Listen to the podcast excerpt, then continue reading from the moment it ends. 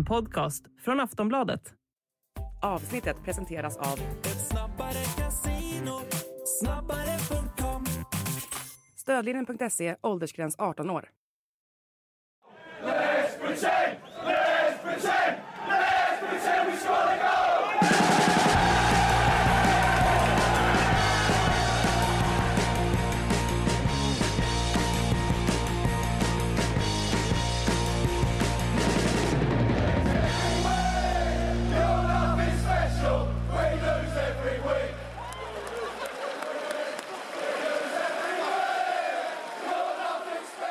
Sportbladets Premier League-podd. Eh, vi ska summera den sista omgången, eh, knyta ihop den här eh, säsongen 22-23.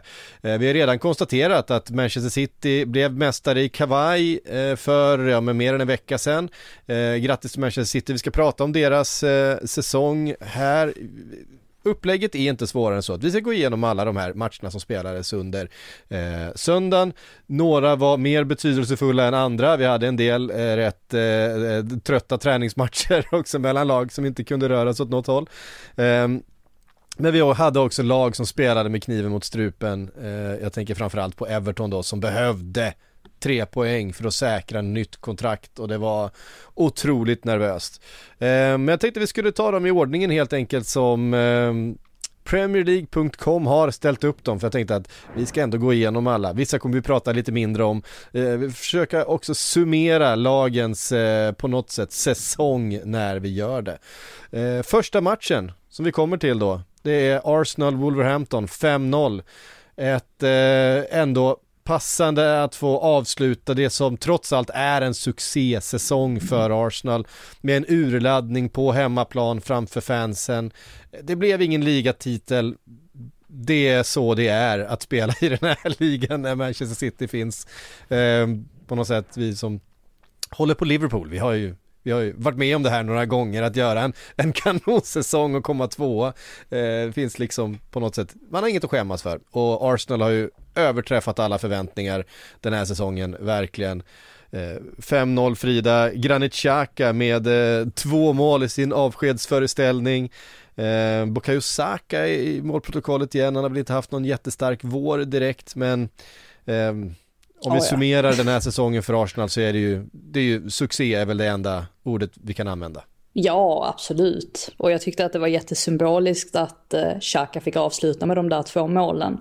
Man kan egentligen inte fatta vilken resa han har varit med om. Han har ju verkligen varit med ja, men under hela den här resan sen Arteta kom in. Det var väl i och för sig Ljungberg när han var interimtränare, om jag inte minns helt fel, så tog ju faktiskt han tillbaka honom in i värmen då efter att han hade slängt den här kaptensbilden på marken och gjort sig ovän med eh, ja, dels supportrarna och ja, framförallt Emery. Eh, De kom ju uppenbarligen inte överens eh, helt och hållet. Men, eh, och där kändes det som att Granit Xhakas karriär i Arsenal är slut. Han kan inte komma tillbaka från detta om man trodde att han skulle lämna.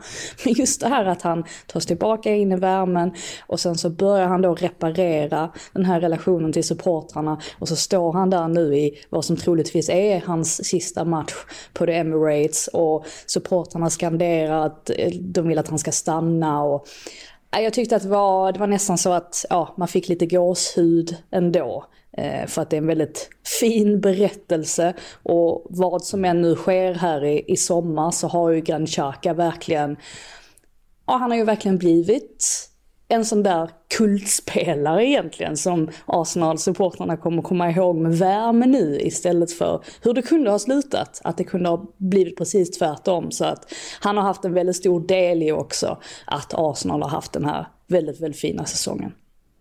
Alltså han kommer ju vara väldigt saknad i Arsenal, oavsett nu när han lämnar för, ja det blir väl Bayer Leverkusen då, vad, det, vad allt verkar. Eh, och man förstår ju hans eh, resonemang att han väljer att lämna i det här läget också med, ja familjeskäl och allt möjligt som ligger bakom att han väljer att att inte fortsätta i Arsenal och vill bort och att han tycker det är en bra, bra timing att göra det. Arsenal kan få en transfersumma för honom också. Men att han ändå får avsluta på det här sättet är ju väldigt fint och det var väl Arteta pratade om det inför matchen också, att det här är en match som man bara ska verkligen gå ut och visa alla vad man kan ta, utan press och liksom tacka supportrar för den här säsongen och att det är ganska passande att Granit Xhaka får göra mål på det sättet i sin avsked, att Bukayo Saka som vi nämnde efter det nya kontraktet han skrev på, kliver fram också och tackar för det förtroendet han har fått och Gabriel Jesus smög in där i målprotokollet till och med med så att ja, det var väl ett väldigt eh, passande slut på en säsong för Arsenal som såklart att de ville ha mer, men sammanfattningsvis så är det ju en supersuccé såklart. De har tagit betydligt många fler poäng än vad de gjorde i fjol. De är tillbaka i Champions League. De har ganska gott ställt nu inför eh, kommande fönster. Det känns ganska tydligt vad det är de ska göra. Och samtidigt som det här var ganska talande för Arsenal, den här matchen, så var det också ganska talande för Wolverhampton. Att bara ja, gå och förlora med 5-0 i avslutningen av en säsong som liksom ingen kommer minnas i den klubben. Eh, finns mycket att göra Jag där. vill bara tillägga, där, mycket- bara, bara tillägga där också att Xhaka själv har dementerat att det skulle ha med hans fru att göra. Att det är hon som vill tillbaka till Tyskland. Han eh, berättade det i alla fall för ett par supportrar var på väg därifrån. Men eh, ja, han, eh, han lär nog lämna. Men jag tror också att eh, vi har ju sett tydligt att Arsenal är beredda att smida medan järnet är varmt här. Den här succén, man har en, en spännande generation eh, att bygga runt med eh, Ödegård och Bukayo Saka som precis har skrivit på eh, eh, nytt kontrakt eh, och att man ser den här möjligheten att förbättra mittfältet. Eh, och det är klart att så som Granit Xhaka har spelat den här säsongen så är det inte så jättelätt att förbättra eh, prestationer men eh, det finns yngre spelare med högre höjd eh, som man eh, kommer vilja satsa på fram- framöver. Det pratas så mycket om, om Declan Rice bland annat. Eh, mer om det kanske i, Sillypodden. Eh, men det, vi räknar väl med att det är ett Arsenal som kliver ut nästa säsong delvis eh, förstärkt eh, men också med en en trupp som har gjort den här säsongen tillsammans, som har en gemensam positiv resa eh, och en upplevelse och sånt betyder väldigt mycket tror jag. Eh, det är, en, det är en, ett lag som kommer vara bättre än nästa säsong, tror jag. Ja, jag tror också det. Jag tror framförallt, det har ju varit mycket snack om det här de senaste åren, om Arsenal har firat för hårt efter enskilda segrar. Och jag tycker alltid att sånt är väldigt löjligt. Varför ska vi ha någon sorts, eh, ja, firarpolis som ska bestämma exakt hur mycket man ska få fira efter en seger. Men jag kan ändå förstå det ur ett annat perspektiv också. För att är man väldigt van vid att vinna, då firar man inte lika intensivt till slut. Och jag tror att detta är liksom en del av ja, men det här projektet som Arsenal ändå har påbörjat och som har burit väldigt mycket frukt just den här säsongen. Att de på något sätt, ja, de kommer växa upp tillsammans mer, få mer rutin och så småningom kanske komma in i, eller det är ju själva målet att man ska bli lite grann som Manchester City där eh, vin, det, ja, vinna är det enda som gäller och att plocka titlar är det enda som gäller. Men då gäller det också att de måste få allting på plats här i sommar, att de får in rätt eh, rekryteringar och det är ju enklare sagt än gjort men det verkar ju som att ägarna i alla fall är villiga att öppna plånboken och, och ge det ett försök och de har ju verkligen visat väldigt stort förtroende för Mikael Arteta över de här senaste åren.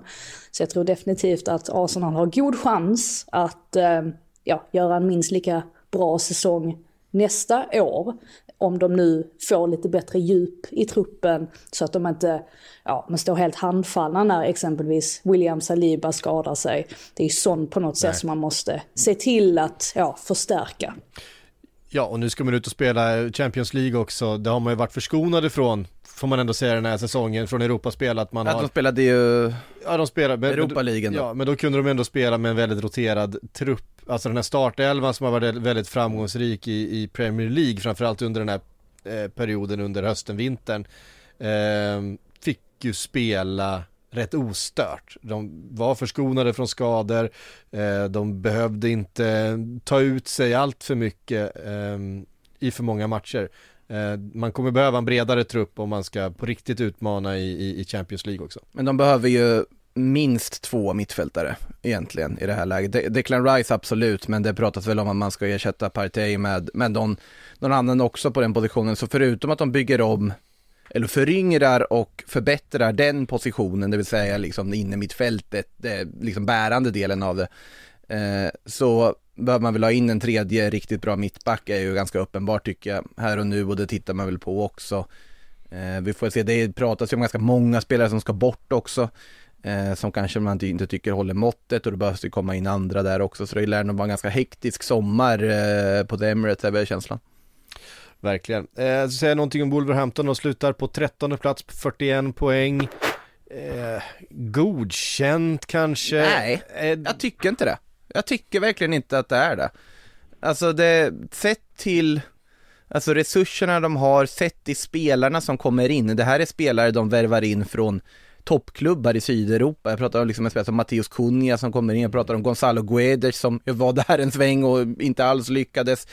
Eh, det är väldigt bra fotbollsspelare de har plockat in överlag. De har en tränare i Julian Lopetegui som kom in mitt i säsong och absolut, han räddar, räddar nya, nytt kontrakt men är det, jag tycker inte att det är godkänt. Jag har större förväntningar och krav på det material som Wolverhampton har. Eh, så att eh, nej, de, det, det är en väldigt liksom blek säsong. Sen att de räddade kontraktet ganska i, med god marginal och så vidare, det är en sak. Men nej, jag kräver mer av dem i alla fall. Ja, alltså man ska nog inte gapa efter för mycket heller för med tanke på vilken situation de sitter i ekonomiskt nu.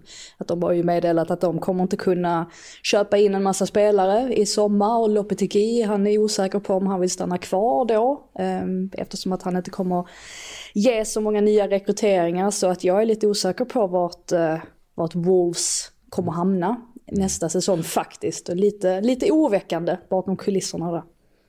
Ja, och dessutom med, med spelare som Ruben Neves och eh, eventuellt Mattias Nunez på väg ut. Det är ju spelare det ryktas om till, eh, till ganska stora klubbar. Det är klart man kan få in lite, lite pengar då, lite övergångssummor för dem, men eh, frågan är ifall de kan köpa lika bra spelare för de pengarna man får in eller ifall ehm, Det är väl det Ruben Neves, Ansu Fati bytet man får hoppas på där för att när Jorge Mendes ska placera sina klienter på lite olika platser de vill vara på.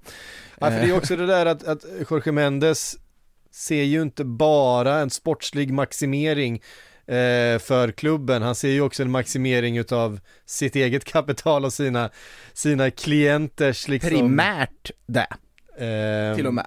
till, till och med, och det, det eh, går ju onekligen ut över eh, de sportsliga prestationerna eh, vid tillfällen. Nej, svårt att veta. Eh, nu är det så här att ni ska få utnämna årets spelare i respektive lag och det ska ni få göra för alla lagen i, i ligan eh, under det här avsnittet. Först Frida, årets spelare i Arsenal. Jag landar i Martin Ödegård. Jag tycker att han har varit helt fantastisk. Det finns ett tydligt samband också med när Arsenal hade sina sämre matcher. Då hade han också eh, några av sina sämre matcher. Så det visar hur otroligt vital han har varit. Och jag tycker väl att det är liksom han och Kevin De Bruyne som kan slå de här fullständigt magiska passningarna. Och Ödegård är ju en sån som alltid väljer det svåraste alternativet och oftast lyckas med det också. Så att eh, för mig är han eh, årets spelare i Arsenal. Mm. Ja, jag instämmer helt och hållet och sen får man lägga till där på det Frida sa med kaptensbindeln på armen dessutom. Det säger en del också att han, han har verkligen blivit ett med det här Arsenal och han symboliserar det här Arsenal och han är hjärnan bakom det här Arsenals frejdiga anfallsspel. Så för mig är det självklart att Martin Ödegård är eh, deras säsongens spelare faktiskt. Mm. Den var lite lättare än kanske vem är årets spelare i Wolverhampton? Du får börja, du får börja Makoto. Alltså jag hamnar ändå på Ruben Neves. Alltså på något sätt, han, han gör sina siffror, han gör sina insatser, han är fortfarande ändå på en nivå som gör att han kopplar samman med storklubbar nu när det antagligen vankas en flytt. Uh, nu tycker inte jag egentligen att han håller för att gå till Barcelona, jag tycker att de borde titta på andra namn, men ur ett Wolverhampton-perspektiv så är det på något sätt han som ändå håller fanan. Uh, det är för rörigt i övrigt för att liksom hitta någon annan som jag tycker sticker ut den här säsongen. José Sao har inte varit i närheten av vad han var i fjol. Eh, de här alla fräsiga anfallsnyförvärven som kommit in har inte levererat, så är Ruben Neves för mig. Jag tycker att eh, Craig Dawson har varit eh, deras bästa värvning den här säsongen, utan tvekan. Men jag tycker att Ruben Neves har varit den bästa spelaren. Eh, han har förmodligen varit deras bästa spelare i ja, tre fjärdedelar av alla matcher. Så då är det inte särskilt svårt att välja honom. Nej.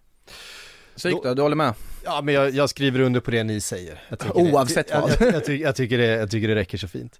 Eh, jag kanske kastar in någon när jag har, Nej, om, jag, om jag har någon, nej men jag, jag, jag skriver under på de två också. Om, inte- om vi hamnar oense, vilket vi hoppas att Jag- vi ändå gör på något ja, men då namn, kan jag då får du väl... med, en- eh, med en utslags... ja. eh, vi får, nog, vi får nog speeda upp det lite om vi ska hinna prata om alla matcher. Det här kan Ja, det, ja. Ja, alla, alla, alla, alla matcher kommer nog inte eh, kräva samma, samma utveckling. Ja, vi, vi, börjar med en match som är helt betydelselös. Ja, men det fanns ändå mycket att säga om Arsenal. Eh, Aston Villa, Brighton eh, b- betydde ju en del, eh, det som vi en gång i tiden kallade för the Everton Trophy, alltså att vara det bästa laget, the best of the rest, eh, på något sätt. Det stod mellan Aston Villa och Brighton. Det blev Aston Villa som ju inledde tufft den här säsongen under Steven Gerrard, fick in Unai Emery och sen dess så har ju laget gått som tåget verkligen.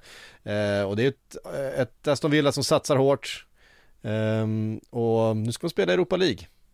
Ja, alltså, Eller Conference League, ja, närmare ja, bestämt. precis. Nej. Jo, Europa Conference League. Brighton spelar i Ja, Europa de, League. Brighton höll sjätteplatsen. Ja just det, så blev det. Men, men ja, de det, var var, ju- det, var, det, var, det var Tottenham de skulle hålla bakom sig. De hade ju festat något innan den här matchen, liksom med tanke på. Men jag tror ju Precis, ja. ärligt talat att hade någon sagt i oktober att Aston Villa kommer hamna på sjunde plats så hade nog rätt så många skrattat åt det påståendet. För att så remarkabel är ju ändå den här vändningen som ja, men framförallt Unai Emery då har lyckats göra och hur mycket mer han har fått ut av det här den här gruppen, den här truppen, jag tänker inte minst då på Tyron Ming som var fullständigt under isen under Steven Gerrard, ser ut som en helt annan spelare nu, Douglas Luiz, Jacob Ramsey, hemmasonen som dessutom får, eh, får kliva fram i den här matchen och ja, få allt rampljus på sig.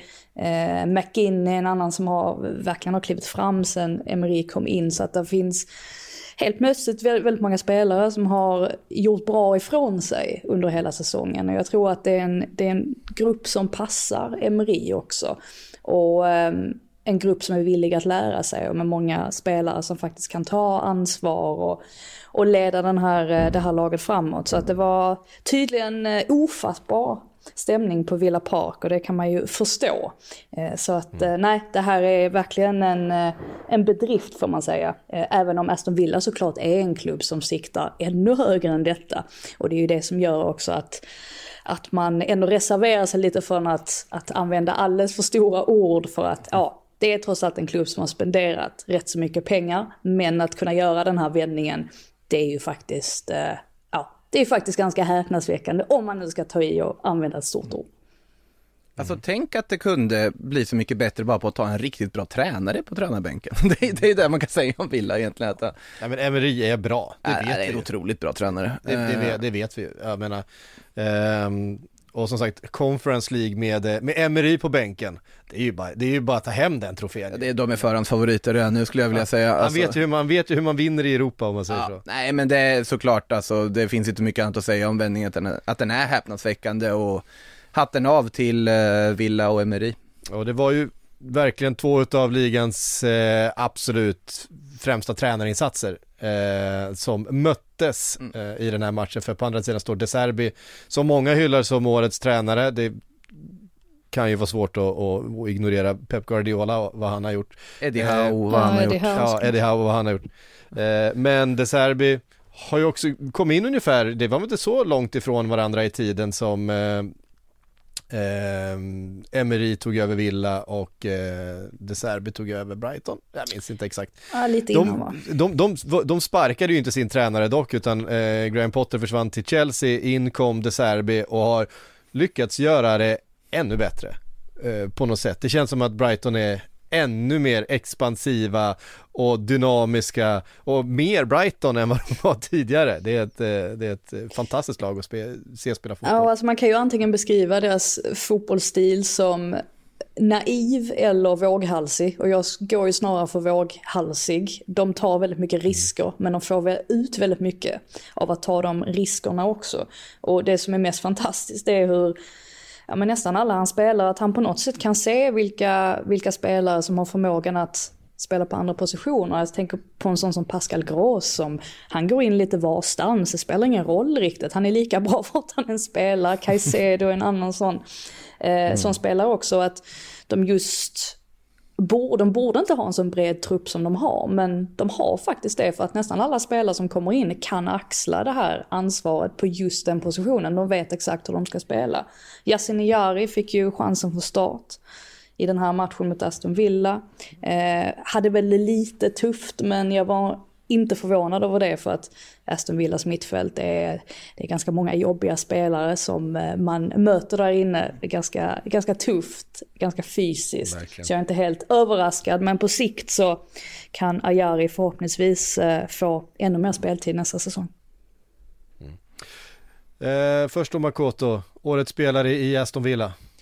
Eh, min röst där faller på Ollie Watkins ändå med, ja målen talar väl sitt tydliga språk. Det är han som har öst in dem när Villa har gjort den här upphämtningen och varit den här pålitliga strikern på topp. Eh, gjorde ett mål där nu mot eh, Ja, han fick bryta sin måltorka. Ja, han har ju haft lite måltorka, men överlag om man tittar på hela säsongen så hamnar jag på Ollie Watkins ändå.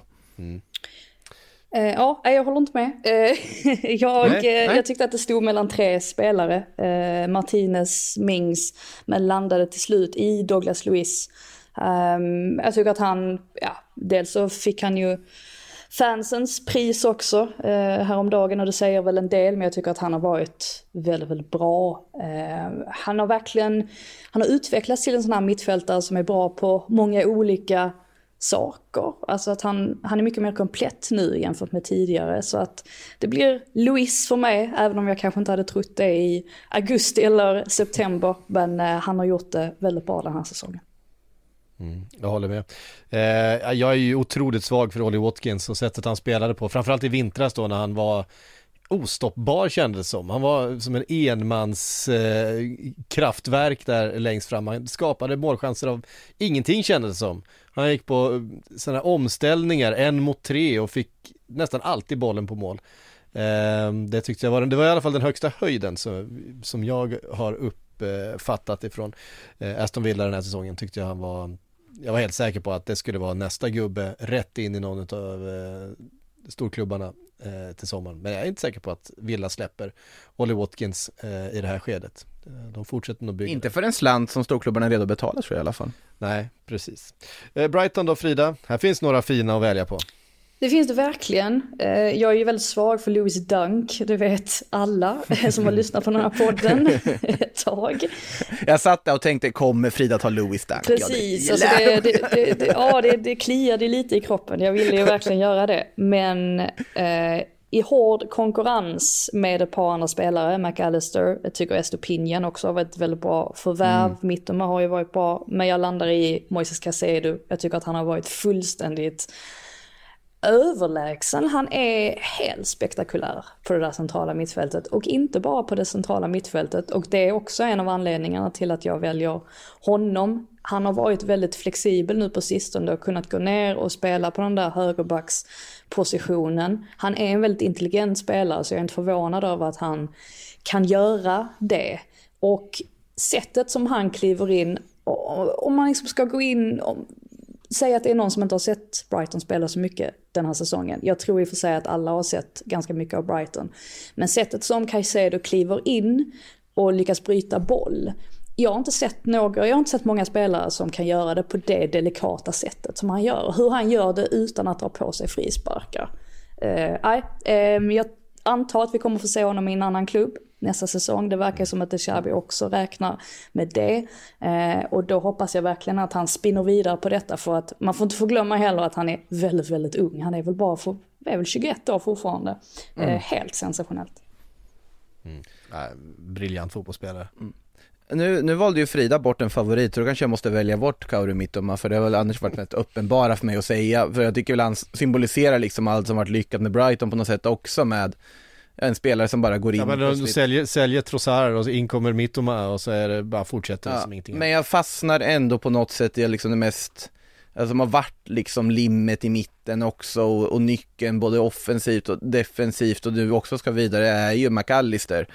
eh, som gör de viktiga målen också. Eh, sen ska man väl inte sig blind på det han gör i landslaget, det har ju inte med Brighton på samma sätt att göra, men det är ju en del i det på något sätt. Hela hans ja, hans genombrott som han haft den här säsongen tycker jag är ganska talande för hela Brighton. Så jag hamnar nog ändå på uh, McAllister faktiskt. Uh, men såklart att uh, det var väldigt nära att bara säga mitt om och gå vidare. Dennis Undav låg givetvis nära också till. Fan alltså.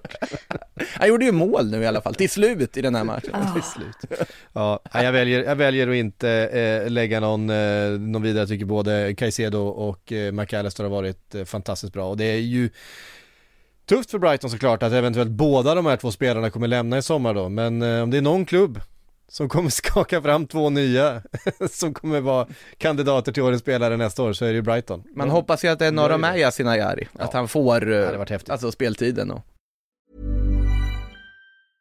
Quality sleep is essential for boosting energy, recovery, and well being. So, take your sleep to the next level with Sleep Number. With a Sleep Number smart bed, you can individualize your comfort level and enjoy a better sleep night after night. JD Power ranks Sleep Number number one in customer satisfaction with mattresses purchased in store. And now, the Queen Sleep Number C4 smart bed is only $1,599, a saving of $300, only for a limited time. For JD Power 2023 award information, visit jdpower.com/awards. Only at Sleep Number stores or sleepnumber.com. Vi tar oss vidare då. Ehm, i nästa match, den var mellan eh, ja, säsongens flopp och eh, en av säsongens stora succéer, nämligen Chelsea mot Newcastle. Betydde ingenting den här matchen, slutade 1-1. Ehm, det är ett Newcastle som eh, stormar mot en ny tid, en ny verklighet, en framtid där man kommer förmodligen befinna sig i toppskiktet, inte bara i England utan på sikt också i Europa är väl det som är tanken och planen med den här investeringen. Eh, Det var tanken och invester- eh, planen med investeringen i Chelsea. Det har inte blivit så Frida. Eh, Det blir en tolfte plats till slut väl för eh, jag måste ta upp det här eh, för Chelsea. Jajamän, tolfte plats, 44 poäng. Ja. Eh, Det, det är ju rent bedrövligt om vi börjar med Chelsea. ja, jag tror att alla Chelsea-supportrar är ganska glada över att den här säsongen är till ända. Så att eh, de kan få fokusera på mindre smärtsamma grejer i livet. Det här har ju gått helt åt skogen. Och det är ju faktiskt, eh, ja, det är ju synd att Amazon inte har följt Chelsea den här säsongen så att de hade kunnat släppa en dokumentär om detta. För det här är ju verkligen dokumentärmaterial från att Thomas Tuchel får sparken till att Graham Potter kommer in till att ja, man ser hur Potter skrumpnar ihop som människa till slut och bara är ett skal innan han får sparken och Frank Lampard kommer in och det blir ännu sämre. Alla de här nya spelarna som inte ens får plats i omklädningsrummet. Det har ju varit ett fullständigt haveri och det förstår, det förstår alla. Nu har ju Mauricio Pochettino skrivit på sitt kontrakt, sägs det ju i alla fall. Han kommer att presenteras här inom kort också.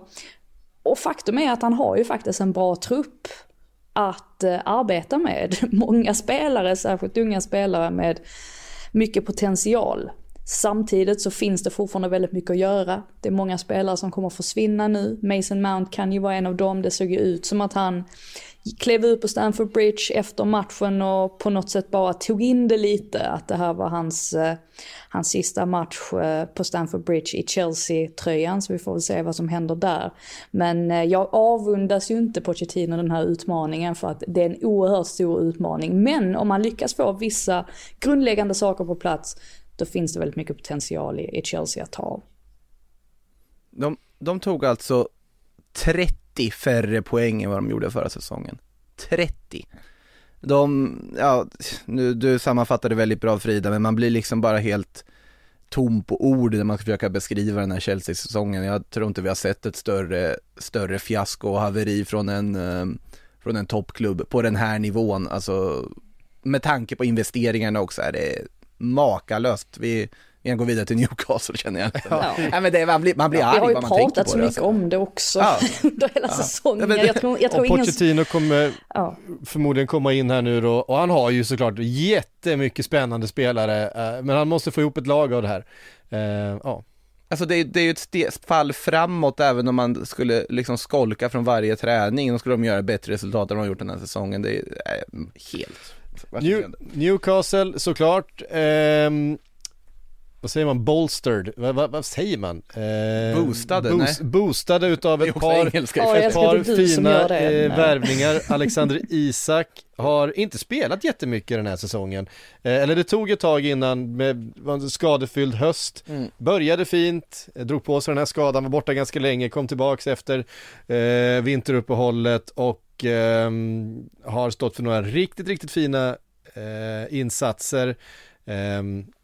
Bruno Guimaraes kom in eh, säsongen innan för, för stora pengar. Eh, har också varit eh, nyckel, Kieran Trippier. Det är ju ändå investera, de, de, de stora investeringarna som har varit eh, nyckelspelarna, men Eddie Howe, när han kom in i det läget som eh, Newcastle befann sig i på nedflyttningsplats, visserligen med nya ägare, Eh, så var han ju fortfarande en tränare som man, visst, han var lovande en gång i tiden i Bournemouth, hade inte gått så bra efter det. Eh, hans aktier under den här säsongen eh, har ju pekat rätt, rätt brant uppåt och eh, Newcastle är ju där uppe för att stanna, det är väl inte någon som tror något annat. Nej, och det är ju rätt så intressant det där också, på tal om Eddie House aktier. Det är ju verkligen så i tränarkarusellen att helt plötsligt så glöms en tränare bort. Och jag tyckte att det kändes som att det hände med Eddie Howe, att han var så otroligt hyllad under ett par säsonger. Sen så fort det går lite dåligt, ja men då är det som att han bara försvinner ur, ur samtalet helt och hållet. Men han har ju visat här att, ja, såklart att han är en oerhört kompetent tränare och han har ju verkligen fått ihop det här laget och eh, ja, några av mina finaste ögonblick från säsongen har varit på just St. James's Park. Eh, det är en fantastisk arena, det är en fantastisk stad, det är ett fantastiskt community och, och supportrar och de njuter ju verkligen av den här framgången då, eller att de ja, får lite framgång överlag. För att det här är ju trots allt en klubb som harvade ner i botten av tabellen. När man hade Mike, Mike Ashley vid eh, rodret. Så att det är väl, det är väl självklart att de, de njuter av det trots då. Sen kan man inte prata hur mycket man vill om vilka ägare det var som tog in och kom in och tog över klubben. Men jag menar, Premier League godkände ju det övertagandet. Så att då finns det väl inte så mycket att, det finns inte så mycket att göra. Man kan prata om det hur mycket som helst men det är ju trots allt Premier League ansvaret ligger på. Så ja, eh, Newcastle en, en väldigt bra säsong med många, många ledare också i laget. Och en sån där spelare som jag eh, har reagerat på lite grann, eller det är ju flera egentligen, det är ju Joey Linton dels som liksom har gått från att vara en en sorts hackkyckling till att bli en av de stora ledarna i Newcastle. Och sen är det faktiskt också kär i, i mittlåset som man ser där hur mycket det gör att bara man får in en ordentlig mittback bredvid sig som han har fått nu i Sven Bortman. Då kan man lyfta sig själv också något oerhört och han är en sån spelare som också har gjort det. Så att det är många individer i det laget som verkligen har ja, men klivit upp på en ny nivå och det är extra kul att se vilken status Alexander Isak har fått. Trots att som du säger, han har trots allt bara spelat 22 matcher. Men han är ju verkligen en av de spelarna som hyllas mest efter den här säsongen och det är väldigt kul att se. Ja, och lyckas göra tio mål på dem, Ja, på de matcherna, det är väldigt bra. det, det säger ju en del också, det som sagt att det här Newcastle är inte, det är inte som att de har gått in och värvat liksom Neymar och Osman Dembélé för uh, pengarna och sen gått in och bara haft massa stjärnor, utan det här är ju ett lag som har funderat över vad de investerar slantarna i. Och framförallt också haft en väldigt skicklig tränare som fått ihop det här. Det, det är ju en jätteöverprestation med den här truppen att ta en Champions League-plats. Och det var nog ingen som väntade sig att deras liksom resa uppåt skulle börja så här snabbt, så här tidigt, så här brant uppåt som den nu har gjort. Och det ska bli väldigt spännande att se vad de gör i sommar och vad, vad vi kan vänta oss av dem nu när de ska spela Champions League-fotboll igen. Ja, det blir eh, såklart intressant att följa och se vad de ska göra i sommar också för det ska nog fortsätta värvas, eh, gissar vi, till, till Newcastle. Men jag hoppas att det inte blir att de bara kastar pengar hej vilt nu, utan att de, de ändå ser att nej, men nu ska de värva verkligen spelare som förädlar där de redan har byggt upp. Då kan det bli ganska bra tror jag. Eh, vidare till Ska vi inte Brentford, Manchester utse City. bästa spelare också? Jo, för fasen, det, glöm, det glömde jag ju. Eh, bra Frida. Då utser vi årets, årets spelare i Chelsea. Todd Bowley. Ja, det finns bara en. Den är inte lätt hörni. Ja, det finns bara en och det är ju Thiago Silva. Jag tror att alla är överens om att hur dåliga de än har varit så har han i alla fall varit bra och mer därtill. Chelsea ska vara glada Han- över att de har honom. Han, Det, det, höll, han seriö- höll dem flytande en stund i höstas där. det seriösa svaret är givetvis Thiago Silva. Eh, Newcastle då, det är svårare. Det finns många att ta av. Jag säger Bruno Gimares, men det är eh, inte ett självklart svar. Eh, motivation egentligen, eller motivering tycker jag är överflödig, det är bara att se på vad han har gjort på plan liksom den här säsongen. Jag, jag gillar Guimaraes jättemycket men eh, tycker ändå att det är Karen Trippier. Ehm, han har kommit in som en väldigt stor ledare. Han har varit väldigt, väldigt bra eh, rakt igenom hela den här säsongen och lyft det här laget. Eh, både defensivt men framförallt offensivt också. Eh, så att för mig är det Karen Trippier. Då, Brentford City. Eh, Brentford vann den här matchen. Eh, betyder ju ingenting för någon egentligen. Eh, det här var två lag som var vunnit- bekräftade på sina respektive positioner. De har ju vunnit dubben mot Man City den här Ja, de säsongen. har ju till, till, och med, till och med gjort det. Även att det här var en sån eh, Eh, en sån där match som var mer utav eh, träningsslaget. Eh, Jag gissar att kanske eh, Haaland hade velat eh, förbättra sin målstatistik men han fick inte ens spela. Pe- Pep Eh. Guardiola, jag ska ställa upp med starkast möjliga lag eller vad det var han sa inför och så bänkar Haaland. Ja. Det är nästan lite småsadistiskt att låta Haaland sitta på bänk hela Ja, sista matchen, är låt liksom- han fixa sig mer mål liksom. Ja men det är liksom, men det är också så här, men fick, då fick vi lufta Cole Palmer och Rico Lewis och Sergio Gomez och sådär. Ja, det var, de var inte de enda, eh, det enda laget som, som luftade lite spelare eh, i Nej, en sån här betydelselös match. Men det, är såklart, de har dessutom en eh, väldigt viktig match kvar på, på schemat, en Champions Två League. viktiga ja, matcher Två kvar, viktiga, och en fa Cup-final och en Champions League-final.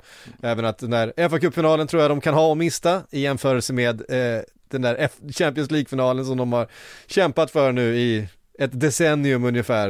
Eh, de eh, eh, Abu Dhabiska ägarna, det har ju varit det, den trofén de har haft eh, siktet inställt på och nu är man framme i sin blott andra final. Eh, frågan är ifall man kan Ifall man kan hålla nerverna i styr den här gången. Alltså om de inte vinner den här så kommer de aldrig vinna. Alltså det är nästan känslan man får. Och det, det är väl det som talar emot dem. Att de är så otroligt stora favoriter på förhand. Eh, Men med det sagt så, ja, inte är det bra i den där typen av matcher. De vet vad som krävs i den typen av matcher. Vi får väl se. En fotbollsmatch vet man aldrig. Så är det. Eh, Frida, vad, vad finns det att säga mer om det här Manchester City-laget? ja, vad finns det att säga? Som vi inte har sagt under säsongen. Ja, jag tror väl i och för sig att vi har sammanfattat det ganska bra under säsongens gång, men man slås ju än en gång av hur Pep Guardiola har hittat ett nytt sätt att vinna på. Vi pratade lite om det kring Arsenal, att de har haft sin startelva, de har haft sitt sätt att spela på. Men City har ju på något sätt, eller Guardiola har ju tvingats att tänka nytt för han har ju sett att det har funnits saker i Man Citys spel som inte riktigt har fungerat. Men det har han verkligen stabiliserat även om, ja den här sista matchen var ju ingen höjdare kanske men ja, översett över hela säsongen så eh, har han ju verkligen eh, byggt, eller han har ju fått fram ett oerhört slagkraftigt lag och framförallt och formationsmässigt att eh, han har hittat ett, ett väldigt starkt sätt att vinna på. Mm. Det är också så här, Pep Guardiola, han gör ett byte i den här matchen. Han, han, han slänger in Che Charles, så, eh, nordirländsk, hur gammal är han då? Eh, han är 19. 14 och In, inte, inte hört talas om innan, det är enda, det enda bytet han gör i den här matchen. Den finaste, ny, alltså också så här att han, och då slänger han in Ederson i mål, det är det som är så underligt. De har ju precis förlängt med Scott Carson, ge honom en match då liksom, när du ändå ska kasta runt. Ja, Ja. Outgrundliga är och Pep Guardiolas vägnar ibland. ja, jag tror inte han han var på bänken ens va? Nej, han var inte ens på bänken, nej, det var Stefan Ortega som var på bänken. För att han har förlängt i alla fall. Eh, Brentford då gör ju en jättefin säsong igen, eh, slutar på den övre halvan. ehm, ja, eh, kommer såklart påverkas utav eh, Ivan Tonys avstängning här eh, till nästa säsong. Får se om de plockar in en viss Viktor Gyökeres. Vi ska nämna honom sen när vi pratar om den här playoff-matchen från i lördags också. Eh, men eh, vi har pratat rätt mycket om, om Brentford också. Det är eh, ett lag som kommer få kriga nu ett par säsonger för att behålla bra spelare, för att behålla den här farten och, och den här placeringen, det är ett tufft, ett tufft lag att möta för, för alla. Jag menar, dubbeln över Manchester City, det är inte, det är inte någon annan som har gjort. Man Eh. trodde de skulle kollapsa när Eriksen försvann med tanke på hur viktig han var under, eh, under våren där, men det har de ju uppenbarligen inte gjort och det är ju, ja, slår över sin vikt eh, ännu en säsong kan man väl lugnt konstatera vi får se hur länge den här sagan fortsätter. Då får ni ta ut eh, årets spelare i Brentford. Det måste väl bli Ivan Tony, eller? Alltså, jag, jag tycker det. Eh, även om det finns liksom smolk i bägaren med tanke på det som har, har skett efter. Det var låga odds på det. Nej, förlåt. Det var, Ja, den, eh, ja. Eh, men alltså den stod ju där också i, i spelargången där och fick väl inte vara med där ute och gå ärevarvet och verkade ju väldigt rörd av eh, liksom ledsna situationer kan man förstå. Det är en väldigt sorglig historia alltihopa men sett till vad hela säsongen och vad de har gjort på planen så kan jag inte säga annat än Ivan Tony ändå känner jag. Eh, Det är Mattias Jensen för min del, på tal om det här att Christian Eriksson försvann. Jag tycker verkligen att Jensen har klivit fram och tagit över den där rollen och fått ja, men visa framfötterna ordentligt nu när han har fått större utrymme. Han hade ju en väldigt hackig första säsong men tycker att han har varit fenomenal denna. Ja, nu får ni den delikata uppgiften att utse årets spelare i Manchester City då Frida, du får börja. Ja, alltså Finns några bra? Det finns väldigt många att välja bland. Men det känns konstigt att inte välja killen som har gjort 36 mål den här säsongen. Eh, För mig är det Erling Haaland. Jag satt och tänkte, kommer hon säga Rodri nu? Men, eller, men, nej, Kevin De Bruyne nej, hade det så- nog kanske i så fall. Men inte ens han har ju varit, han har ju suttit på bänken i vissa matcher, det glömmer man lite. Eh, Så att nej, det får bli Haaland. jag petad typ. Ja. Nej, eh, såklart det är eh, Erling Braut Haaland. Det, det, vi, vi, vi nöjer oss så. Jättefint. Vi går vidare och ska säga någonting om Crystal Palace, Nottingham Forest. Tja, Crystal Palace eh, med Roy Hodgson, han kommer väl inte vara där till hösten. Ja, så in Eh, i, någon, i någon roll kommer han eh, nog vara I kvar. någon roll. Ja, vi är lite osäkert än. Nu har det faktiskt börjat pratas om att han möjligtvis kan få fortsätta som huvudtränare. Innan har det pratats om att han skulle vara kvar i någon sorts mentorsroll. Men vi får väl se vad som, vad som händer. Alltså, vad fan, de har ju redan blivit av med honom en gång. Han tycker ju det där är så kul. Han är 75 år gammal, han fyller 76 i augusti. Det är, det, det, jag vet borde, inte. borde inte vi snarare titta på, på något sånt som att liksom wow att han fortfarande har brinnet och är där Ja, ändå, du är lite så eh, här i den ålder, jag tycker det är åldersdiskriminering från psyks sida. Ja men alltså så här, för att oftast bara, ja, men det där, den, den där dinosaurien måste ju bara ge upp nu, är det ju liksom den allmänna konsensusen, men i Roy Hodgsons fall, för jag är mest bara glad nu för tiden, för man märker att nej, men han kan inte hålla sig i pension, han, jag tycker det där är för roligt fortfarande, och han gör det ju uppenbarligen bra fortfarande också. Och det är ju, en, det det är ju såklart en, en karaktär, en person inom den engelska fotbollen som är enklast att tycka om. Det finns väl ingen som, som inte gillar Roy Hodgson på något sätt. Men det är bara känslan att när han har varit där och de skulle gå vidare och de skulle göra någonting annat utav projektet Crystal Palace. Och då höll de på att nästan åka ur istället. Ja visst, man måste våga någonting också. Det är klart att man kommer, man kommer, man kommer lösa en 14 plats med Roy Hodgson och det kommer vara liksom trögt och svårspelat på ehm, eh, på Sellers Park och så vidare. Men det, fan, det kommer inte bli någonting annat. Alltså till, till Hodgsons försvar nu måste jag ändå säga att Crystal Palace är ju inte alls så pragmatiskt som man kanske föreställer sig dem under honom nu. De har ju faktiskt spelat en ganska så offensiv fotboll, anfallit med, med mycket folk. Så det känns ändå som att han har ändrat sig lite grann i alla fall. Att det kanske inte är, det är inte exakt den Roy Hodgson som ja, i förra, under förra sessionen i Palace. Så kommer det inte se ut i hösten. Jag lovar er. Då kommer han ha drillat in det här försvarsspelet under försäsongen igen och så kommer vi stå där. Ja, fan, det är... Jag har inget, inget förtroende. Ehm, eh, eh, eh, ehm, Nottingham Forest var ju en intressant eh, situation de befann sig i med 23 nya spelare eh, i början på den här säsongen. Det har tagit Sen blev det 30 typ va? Ja, det har tagit i stort sett hela säsongen att spela ihop det här laget, men nu börjar de ju faktiskt kännas som ett lag ändå. Eh, och ja, det är svårt att veta hur man ska göra när man går upp som eh, Nottingham Forest gjorde, man hade mycket eh, utgående kontrakt, mycket spelare på lån, det, det, det var ju, fanns ju ingen trupp där att spela Premier League-fotboll med, så man var ju tvungen att värva. Eh, det ska man ju komma ihåg, de har ju inte värvat bara för sakens skull. Vid något tillfälle så började man värva för sakens skull också kändes som, men ehm, ändå, med tanke på förutsättningarna eh, som de gick upp till Premier League med så är det ju en, eh, en god, fullt godkänd säsong. Ja, så jag är, fram, jag är framförallt förvånad över hur, och jag antar att det delvis måste vara på Steve Cooper, hur han på något sätt har lyckats få in en väldigt tight lagkänsla i det här laget på rekordtid. Jag menar, när de säkrade nytt Premier League-kontrakt, om jag inte minns helt fel så stod redan Lodi och med tårar i ögonen och tittade upp mot supporterna. Jag tänkte, visste han ens vad Nottingham Forest var för ett år sedan? Jag menar, nu kanske jag är lite för, lite för hårdragen så, men jag tycker det är rätt fantastiskt att se hur många som verkar ha fått väldigt starka känslor för Nottingham Forest på så väldigt kort tid. Och eh, ja, det är ju bara att eh, lyfta på hatten då för Steve Cooper, för jag antar att han har någonting med det att, med det att göra. Verkligen. Och Taivo Aboni, eh, målprotokollet igen, han lyckades skrapa ihop 10 mål den här, den här våren. Eh, han hittade en helt, helt otrolig målform. Eh, vi får börja med att utnämna årets spelare i Crystal Palace då, Frida. För, eh, för min del så är det Ulise. Ehm, han har, ja, men han har, eh, dels så är han ju väldigt, ehm, väldigt skicklig på fasta situationer. Han är ju faktiskt den första Palace-spelaren, om jag inte minns helt fel nu, eller om jag inte får helt fel för mig, som har gjort tvåsiffrigt med assist under en eh, Premier League-säsong. Vilket ju är, han har gjort tio stycken. Och ja, jag tycker att det talar för sig själv egentligen. Och han är ju ändå en sån spelare som man tänker att där finns ännu mer att ta av.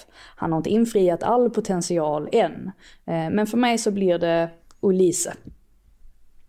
Och då tar jag den eh, andra anledningen Crystal Palace har att ändå se ganska ljust på nästa säsong till skillnad från eh, Patrik Syks farhågor genom att lyfta Eberechi Esse istället.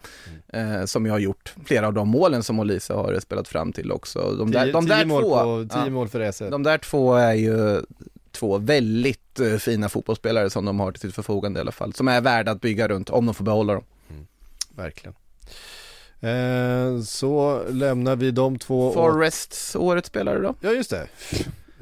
Jag har lite bråttom här för tiden springer Ja, iväg. Eh. Forrest, ja, Vem av alla 30 nyförvärv? Jag säger det dyraste av dem alla. Eh, Gibbs White. Ja, jag säger samma sak och vi pratade om honom ganska mycket i förra avsnittet så att det kanske kan stanna vid att han är en bra ledare. yes. Verkligen. Everton Bournemouth. Här var, här var det mycket ångest på Goodison Park igår. Eh, och det dröjde fram tills ja, men nästan en timme spelad innan Ducoré kliver fram och bombar in den bollen. Det var som att han ville ta med sig hela eh, målnätet upp på bortaläktaren där, den bollen. Eh, och det var precis vad Everton behövde och det var så förlösande och ehm, Ja, det, det, det märktes att det släppte någonting när det målet, alltså det var en boll som studsade rätt. Det var en boll som gick in.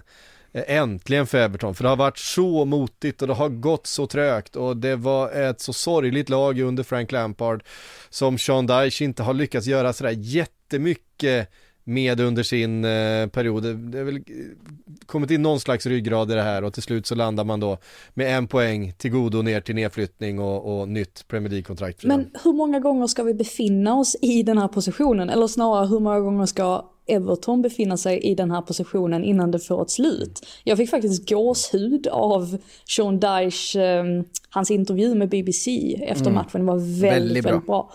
bra. Och där han, alltså Sean Dyche var ju inte han var ju inte överlycklig över att de hängde kvar. Det är klart att han var lättad och jobbet är gjort nu för hans del. Men han menar ju på att det finns ju så mycket mer att göra här. Nu måste vi ta klubben till nästa steg. Nu måste vi se till att inte hamna i den här positionen år ut och år in. Och just nu så vet jag faktiskt inte riktigt vad Everton står för, vad de är för klubb, vad de har för DNA. Jag tycker att allt med Everton är väldigt suddigt. Och de här ekonomiska övertrampen som de sägs ha gjort också, de vilar ju lite grann som en, ja liksom över dem. Vi vet ju inte vad som kommer ske med det. Men ja, det verkar ju som att Daesh är taggad på att stanna kvar och jag tycker nästan att han kan få förnyat förtroende nu nästa säsong också för att på något sätt måste de bara välja en väg här att slå in på. Och jag tror inte att han är en helt dum tränare att ha, att ha om man nu ska se till att säkra Premier League-kontraktet tidigare under säsonger jämfört med vad det har blivit nu. Att det blir sådana här ja, kniven mot strupen situationer. Ehm, så att vi får väl se vad som sker. Men eh, ja, det är väl klart att det var förlösande som du säger för eh, Everton supportrarna. Mm. Ja, men det, alltså det här är ju en klubb som ska ha ambitioner att slåss på den övre halvan av tabellen snarare än ambitioner att säkra ett kontrakt så tidigt som möjligt. Och det är, det är därför ganska befriande att höra det Sean Dyche säger efter matchen också när han klargör att det här är inte bra nog. Vi ska inte vara glada här, att vi ska vara i den här sitsen. Så att eh, sen vet inte jag om han kanske håller inte med Fredrik om han kanske är rätt man för det men han lägger i alla fall argumenten för att han fattar vad det handlar om, vad Everton borde vara. Sen är ju frågan vad de, vad de kan bli nästa säsong redan. Eh, men ja, de, de klarar sig ännu en gång på, på ett eller annat vänster och ett väldigt fint mål av Dokore men eh, vi, prat, vi, vi pratar här alltså om eh, laget som är på åttonde plats i Europa över highest net spend senaste tio och åren. fått ihop det där. och fått ihop det här. är det, det är fascinerande och då har vi, om man tittar då på ett annat lag som kanske spenderat sina slantar på ett smartare sätt så var det ju Bournemouth som de mötte här som ändå säkrade kontraktet i ganska god tid, tycker de, de har något intressant på gång.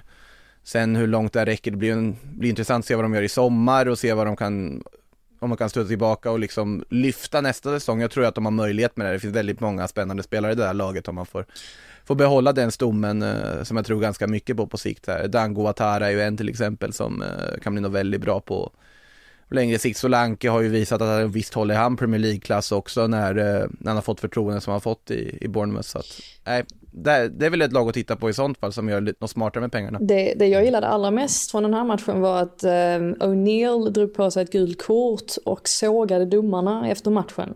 Trots att det är sista matchen för säsongen, de har redan säkrat kontrakt, allting är lugnt. Men han kände ändå att han behövde få utlopp för sin vrede och anser ju att eh, domarna inte håller måttet eh, i Premier League. Så att ja, en sista känga, vi får se vad han får för straff för det, men han tyckte uppenbarligen att det var värt det.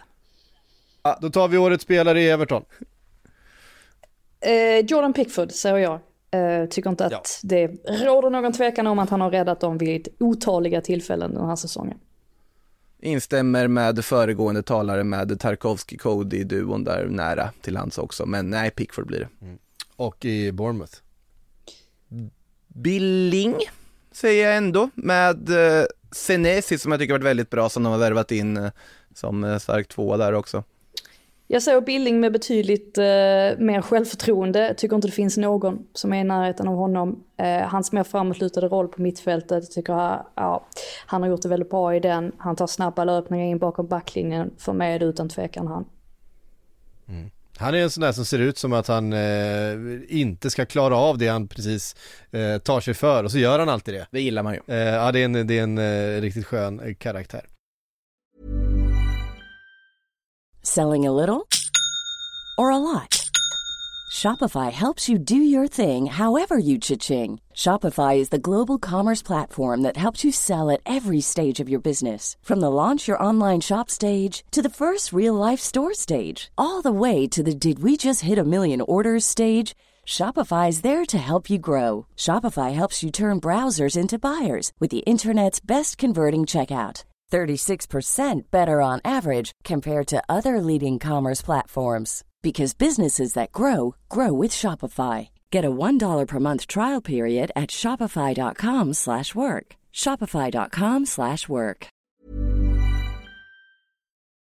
Eh, vi tar oss vidare då, Leeds Tottenham, vi säger tack och hej till Leeds, eh, vi hade det på känn inför den här eh, sista omgången, eh, nu fick vi det bekräftat, man fick dessutom stryka sista matchen med 4-1 mot eh, Tottenham.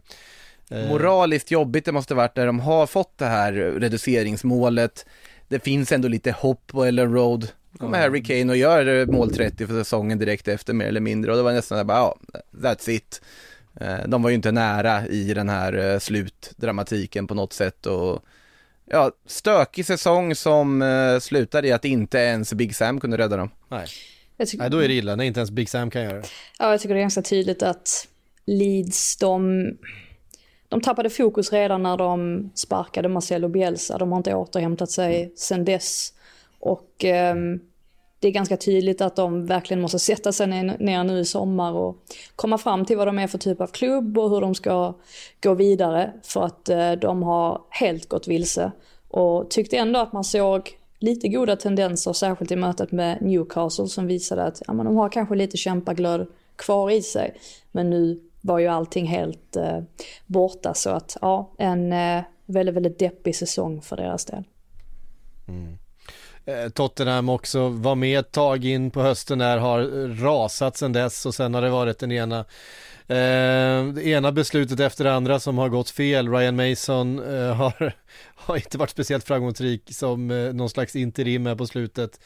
Eh, nu pratar, nu handlar ju egentligen allt om Harry Kane. Han gör 30 30 mål den här säsongen. I den här sorgliga, deppiga säsongen för, eh, för Tottenham så gör han 30 mål. Han är alltså bara sex bakom eh, Erling Haaland. Vi kan väl slå och- fast att han är årets spelare i Tottenham Ja, vi, det, det kan vi göra. Ja. Eh, men frågan är nu, om Harry Kane försvinner, vad händer med det här Tottenham? Vem ska ta över? Vem ska träna det här laget? Alltså- det finns fortfarande stora investeringar gjorda, det finns en ganska hög intäkt, man har byggt sin arena, allt det här. Men vad händer om Harry Kane försvinner? Vi är ju på väg att hamna i samma typ av situation som de satt i 2021 när de inte fick in någon tränare och till slut så plockar man in Nuno som går rakt emot deras DNA eller hur i alla fall Daniel Levy påstår att de vill spela fotboll. Och det som är så märkligt är att Tottenham är ju en attraktiv klubb att ta över egentligen. Alltså inte bara det här med att det finns en trupp med, ja men ändå med en, en hel del klassspelare ändå får man säga. Visst, det är, truppen är inte jättevälbalanserad men det finns det ju gott om potential och inte minst då Harry Kane beroende på om, på om han stannar eller inte. Men också att det är en klubb som är placerad i London, vilket är väldigt attraktivt. Gör det också lättare att locka spelare. De har helt otroliga faciliteter. Den bästa arenan i Premier League som också är en av de bästa arenorna i världen.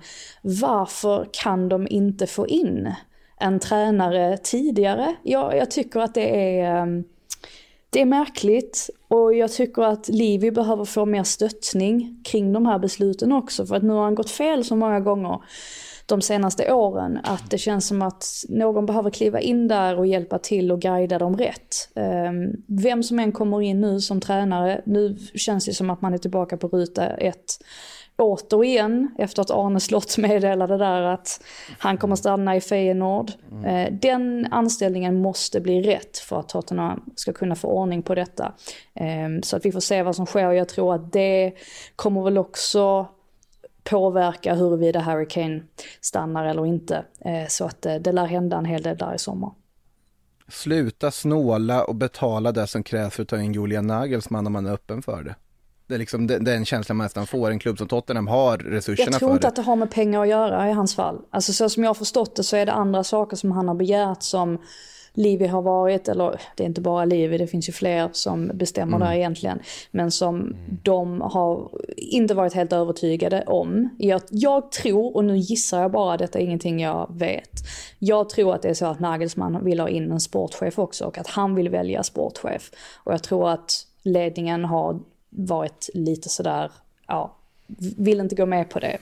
Ehm, så att, ja, men vi får se vad som sker. Det Det gick ju så bra med den förra tillsättningen eh, av sportchef. Paratici, ja, det gick inte jättebra när han slutade inte superbra och det har ju också Det är inte så påverkat. bra för honom själv heller nu för tiden. men- Nej, det är ju det som är grejen. Det har ju också påverkat dem. Så att det har, eh, nej, det har varit en, eh, en väldigt, ja, en säsong som har varit en enda stor besvikelse. Vi får väl se om Kulusevski blir kvar. Han vet ju inte själv vad som händer. Dock så sitter han ju på en massa affischer, eh, reklamaffischer för eh, deras resa till, försäsongsresa till Thailand. Så att jag vet inte om man kan ta det som ett tecken på att han möjligtvis blir kvar. Men vi får väl se, det lär hända mycket där i alla fall kommande månader. Eh, det lär du göra. Bäst eh, den här säsongen i Leeds, Makoto. Eh, jag säger en spanjor och nej jag ska inte säga Mark Rocca, lugn nu, utan det är eh, Rodrigo skulle jag säga som visar att han faktiskt kan göra mål fortfarande och nu svalnade han av eh, senare under säsongen också och hade väl en skadebekymmer och så vidare men överlag i en undermålig säsong så hamnar jag på honom.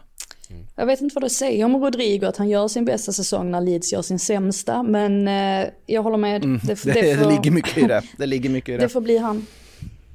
Det får bli han. Ja, och i Tottenham så behöver vi inte ens, eh, vi, vi var redan överens om att det var Harry Kane va? Ja. Eh, Han håller li, lite högre nivå än, än resten i det laget, det får man ändå säga. Leicester, West Ham United, Leicester City, eh, mästare 2016, eh, ner i Championship 2023, eh, alltså bara sju år senare. En bedrövlig säsong, en, eh, en, en trupp som är alldeles för bra för att åka ut, är känslan.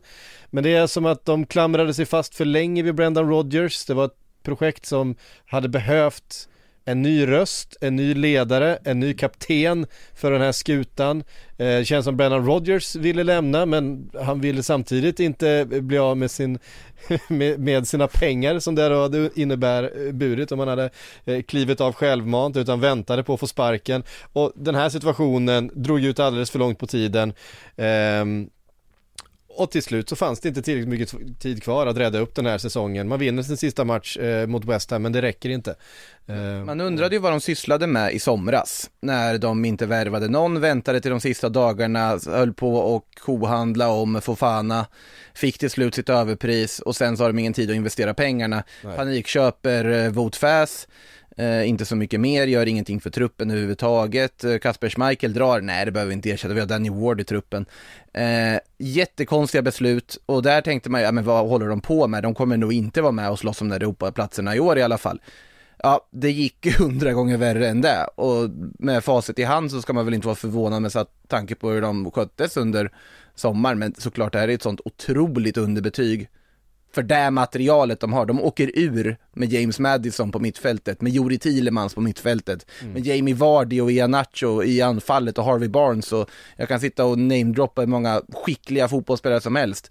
Det är fullkomligt haveri att de eh, inte räddar upp det när vi i ungefär 35 se- omgångar sa ja men de kommer ju lyfta och klara sig förr eller senare, de är ju för bra för att åka ur. Nej det var de uppenbarligen inte. Man måste komma ihåg också att Leicester har alltså, de ligger sjua i tabellen för löneutgifter.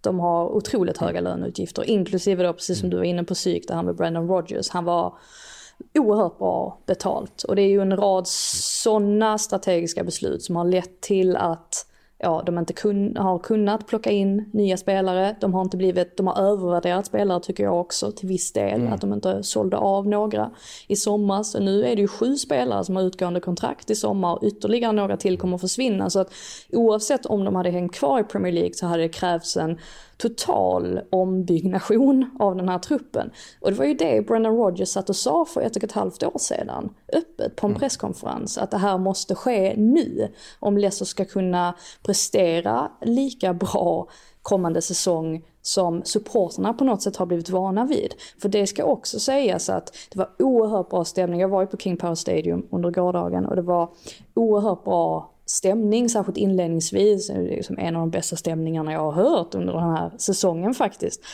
Men det finns också den här känslan bland Leicester-anhängarna att de lite grann har svävat iväg. Det var visserligen bara sju år sedan de vann Premier League, de har vunnit FA-cupen sedan dess också. Men det var som att de började begära väldigt mycket. Och visst, ägarna de öppnade plånboken och de har spenderat mycket pengar, de har spenderat eh, 100 miljoner på en ny träningsanläggning. Det är inte så att det har snålats in på något sätt.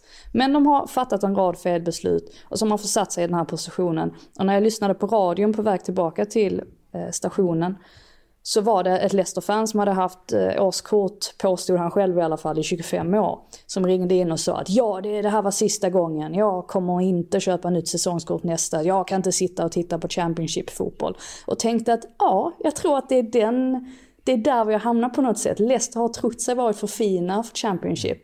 Och då är det lätt att man hamnar i den här situationen. Och för att återgå till den här intervjun som Daesh sa, för jag tycker att man ändå kan, man kan göra vissa kopplingar kring det han sa och Leicesters position nu. För att Daesh sa att man behöver förstå att saker och ting ordnar inte sig av sig själv. Man måste lägga ner jobbet och Leicester har inte gjort det. De har, precis som Makoto nämnde där, hela säsongen så har de gått runt och sagt att, och Brennan Rodgers också, att ja men fortsätter vi prestera så här så kommer det vara lugnt, fortsätter vi prestera så här så kommer det vara lugnt. Ja men till slut så är det inte det längre. Och det sägs ju att det har funnits sprickor i truppen, att vissa har varit upprörda över att vissa spelare inte har eh, lagt ner jobbet eh, på träningar, att vissa har ringt in sjuka till träningar och sen så har de dykt upp på golf golfbanan eh, 100 meter bort och spelat golf. Den typen av grejer. Och det är ju verkligen, eh, verkligen oroväckande. Så att det ska bli väldigt spännande att se Leicester nu nästa säsong. Eh, vad de får ihop för Mm. trupp för det första, vem som blir tränare. Jag är inte säker på att Dean Smith blir klar, eh, kvar, men vi får väl se. Eh, men nej, o, vilket, vilket oerhört ras alltså. På sju år, Ja. sanslöst. Och det är väl, är väl ganska troligt att, att många av de här spelarna, eh, James Madison, eh, alltså Thielemann sitter på utgående kontrakt till exempel.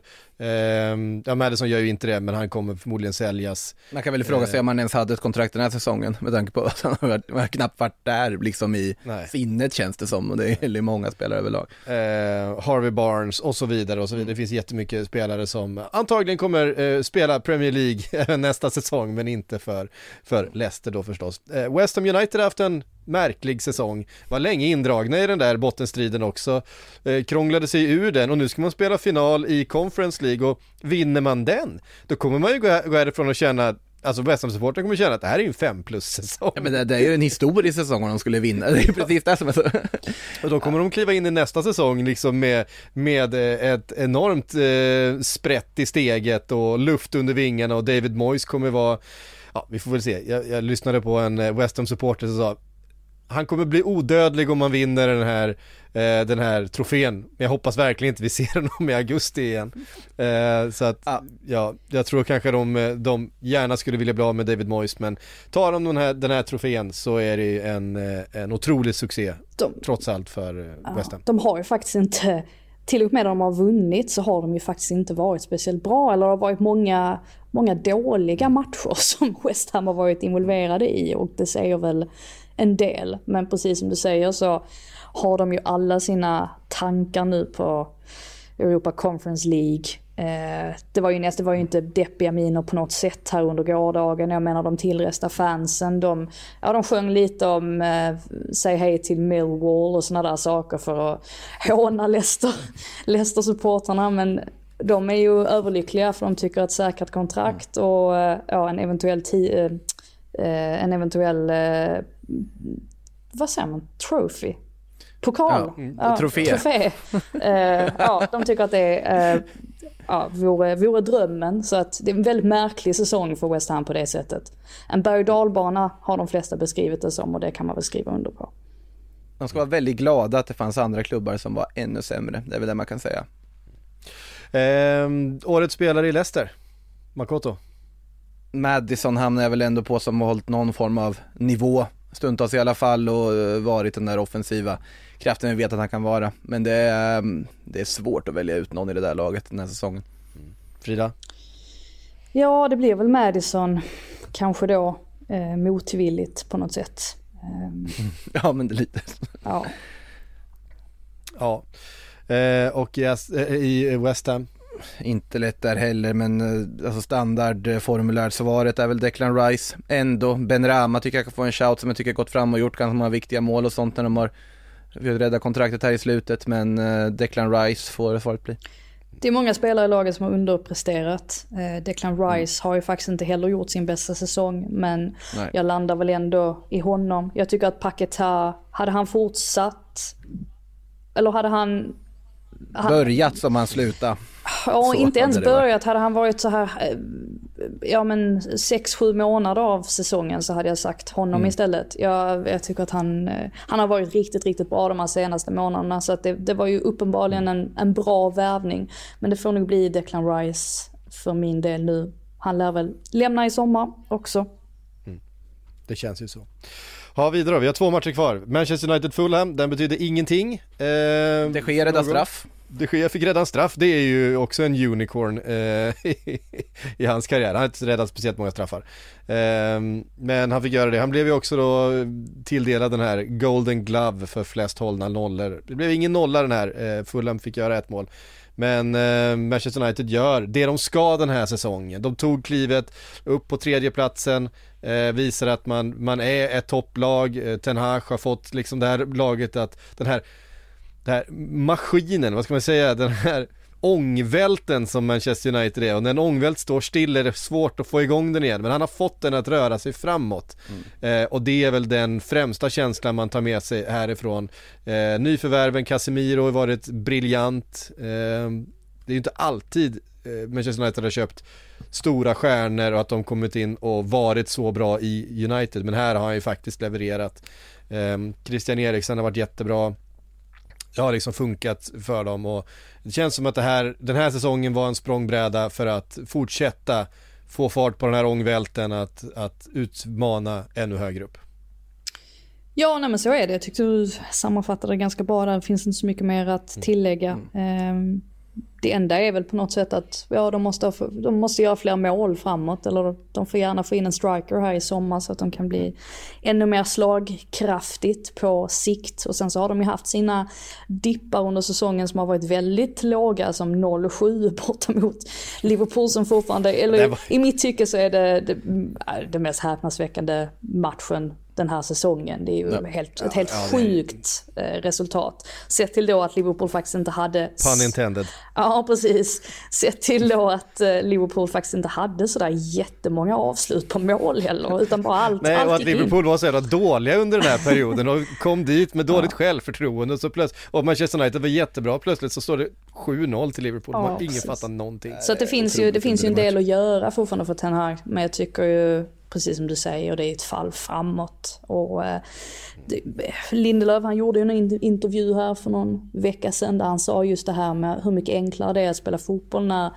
man kan kliva ut på planen och faktiskt veta vad det är, vad tanken är att man ska göra. Och jag tycker man har sett det hos honom också, att han har ju faktiskt gjort sin eller haft sin bästa period sedan han kom till Manchester United nu den senaste månaden. Verkligen. Och det är ju säkert också för att man blir tryggare av att spela i ett, vad säger man, ett ordentligt spelsystem, ett satt spelsystem. Och det har ju Ten Hag onekligen att det är lättare att spela med Varann än med Harry Maguire.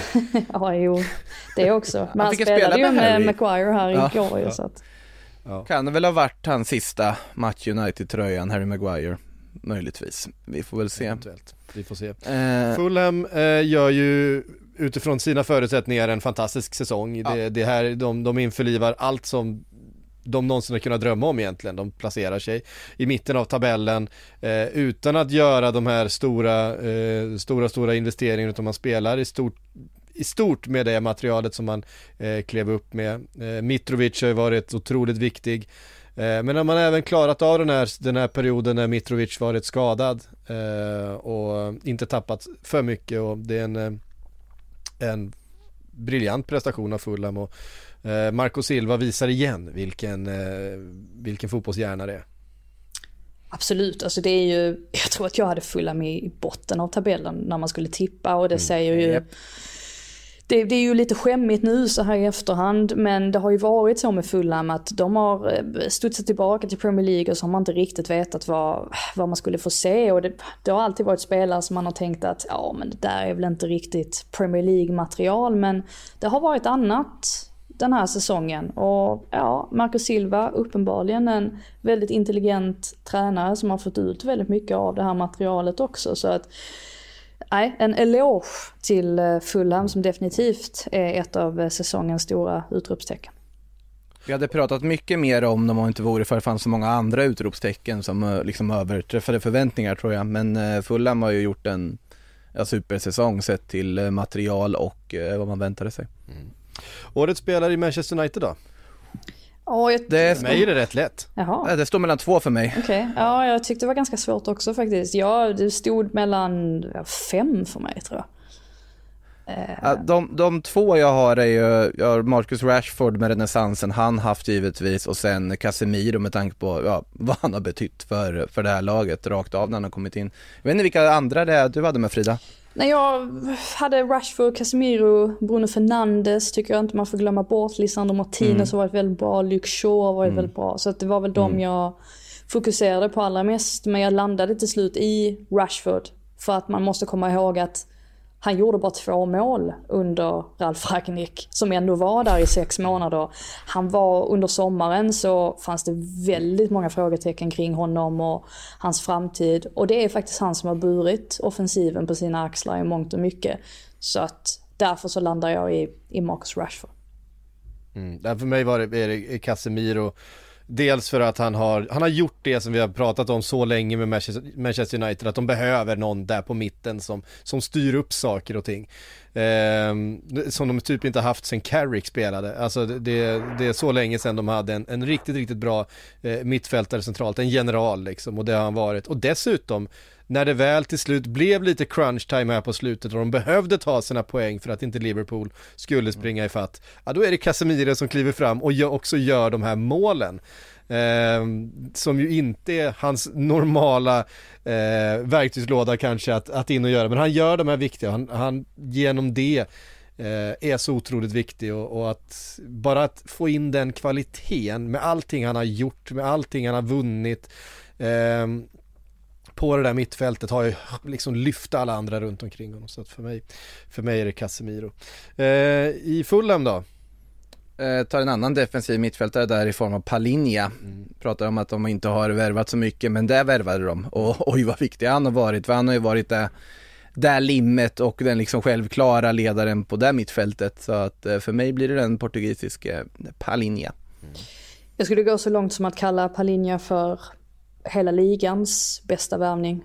Och, du gjorde väl till och med det också? Ja, det gjorde jag. Alltså i skrift. Precis, det gjorde jag. Um... Håland tänkte jag direkt på då, men han kanske inte räk... han kanske är en egen kategori. Ja, nej, jag tycker ändå att Palinja, så ser man till hur ja. vital Palinja har varit för Fulham.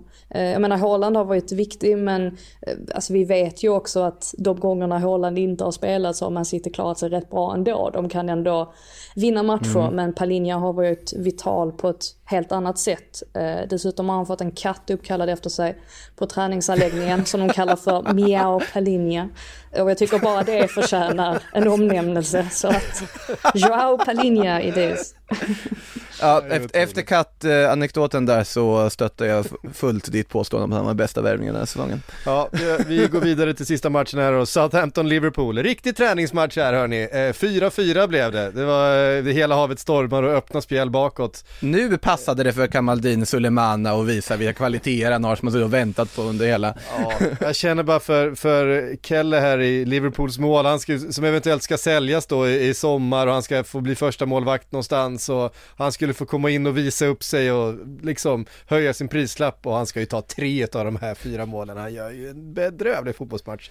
Eh, så är det eh, i sådana här sammanhang ibland. Eh, Southampton kommer sist i ligan. Vi hade, för, vi, hade, vi hade de farhågorna runt det här laget. Det var väldigt ungt, oerfaret.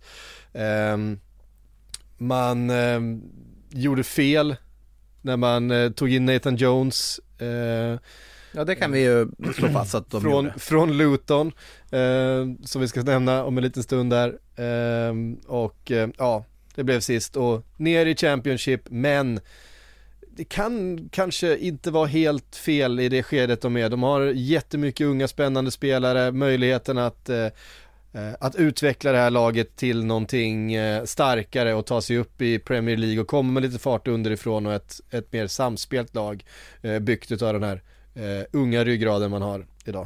Ja, vi får väl se. Det är, Championship är ju väldigt, väldigt tufft numera. Det är, det är ju hyfsade klubbar som åker ner nu också.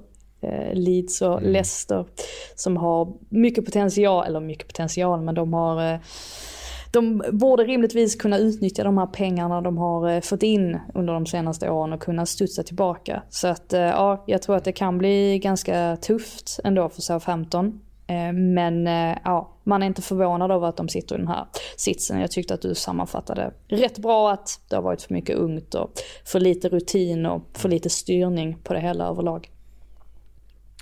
Eh, Liverpool slutar då på den där femteplatsen precis bakom eh, toppfyran. Eh, en mellan, ett mellanår verkligen för Liverpool, eh, såklart inte godkänt på något sätt. Att eh, utifrån de förutsättningarna, man var två man var i Champions League-final och man var en match ifrån ligatiteln, de vann båda kupperna och så vidare för bara en säsong sedan. Eh, att inte ens ta en topp 4 är såklart inte godkänt för Liverpool samtidigt Det blev så... ändå bättre alltså. Det såg ju riktigt risigt ut ett Det exakt, det är att man avslutar säsongen starkt. Visst nu blir det två kryss här på slutet av den här sista matchen, behöver man väl kanske inte lägga så stor vikt vid.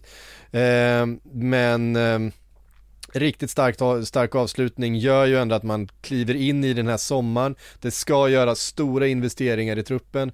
Det blir inte Jude Bellingham, men det kommer bli ett nytt mittfält, det kan vi vara rätt säkra på. Jürgen Klopp sa ju det också att ja, nu, nu börjar mitt arbete, nu går, vi in i, nu går vi in i nästa säsong, sa han ju. Eh, och jag är, jag är mer taggad än någonsin ungefär. Han och Schmadtke ska, han och Schmadtke ska, ska göra business. Eh, nej, det kommer värva spelare till Liverpool den här sommaren. Man har hållit i plånboken ganska, lite väl snålt eh, under och det har man fått betala för den här säsongen. Också varit en svår akklimatisering för Darwin Nunez. Eh, som kom in i ett lag som inte riktigt funkade då heller med, eh, med stora problem på mittfältet så vart det svårt för Darwin Nunez att hitta en, en roll. Han har också haft lite tufft med akklimatiseringen till England, han har inte lärt sig språket eh, och så vidare. Han måste bara sluta Eh. bränna så mycket. Alltså han har, han har allt förutom siktet. Ja men det är, en, det, och det är ju så här att eh, det var lite liknande när han kom till Portugal faktiskt. Hans första säsong där i Portugal tror jag han gjorde tre eller fyra mål. Eh, och säsongen efter så smällde han in 26. Mm. Eh, så att vi vet att han har ibland lite, lite lång startsträcka att, att eh, komma in i ett system, att, att fatta en roll, att, att vänja sig vid en ny miljö.